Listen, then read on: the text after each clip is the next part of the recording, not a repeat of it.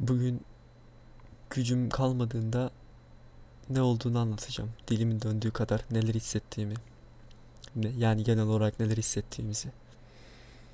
Öncelikle bugünün konusu çalan telefonlarımızın kabusumuz olması. Çalan telefonlar kabusumdur.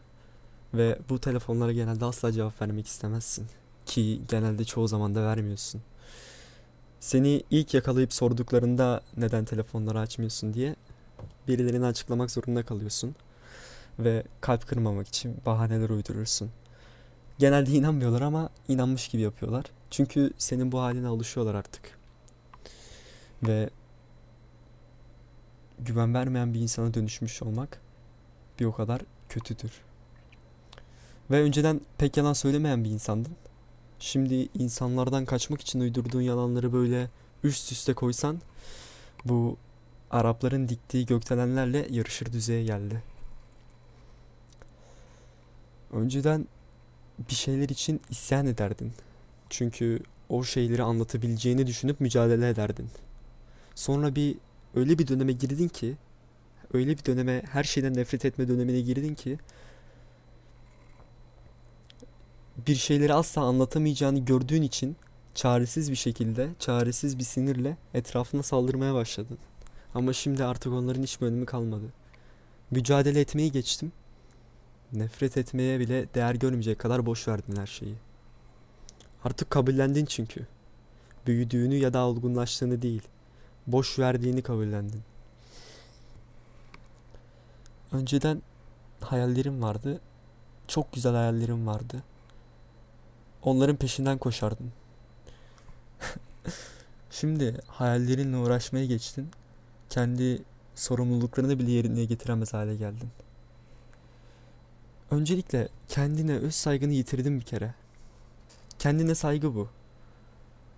Yani bir kere kayboldu mu geri gelmiyor.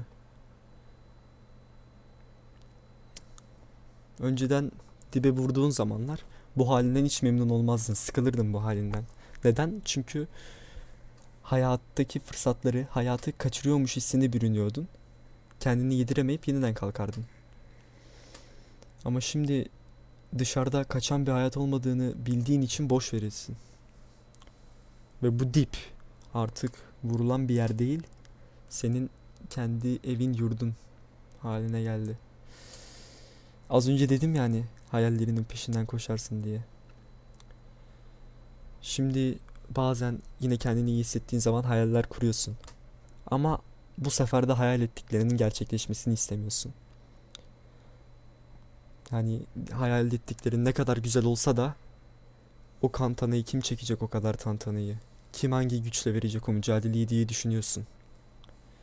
Yani sorun şu ki hayal ettiklerinin gerçekleşmesinden çok onların hayal olarak kalmasını tercih edecek kadar her şeyden bezginsin. Ki genelde hayalde kurmazsın zaten. Çünkü artık istemeyi bile istemezsin. Aşkından dolayı ki bu bir geçici sarhoşluk halidir.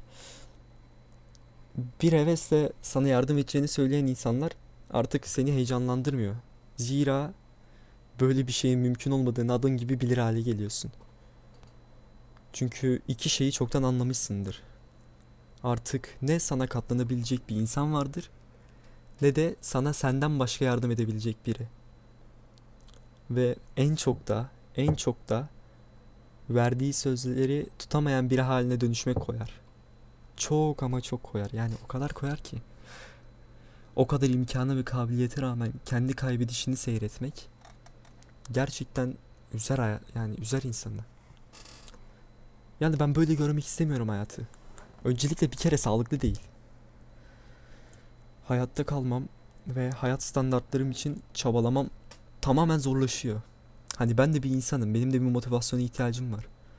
Hani sadece belirli bir amaca değil. Amaçtan sonra gelen ikinci isteklere, arzulara da ihtiyacım var. Yani ben onlara ihtiyaç duyuyorum abi. Yani ben mutlu olmak istiyorum ya. Yani aslında o kadar motivasyonsuzum ki şu son zamanlarda. Aklımdan binlerce cümle geçse bile aklımdan ne bunlara yazmaya gerek duyuyorum ne konuşmaya gerek duyuyorum. Bu kadar.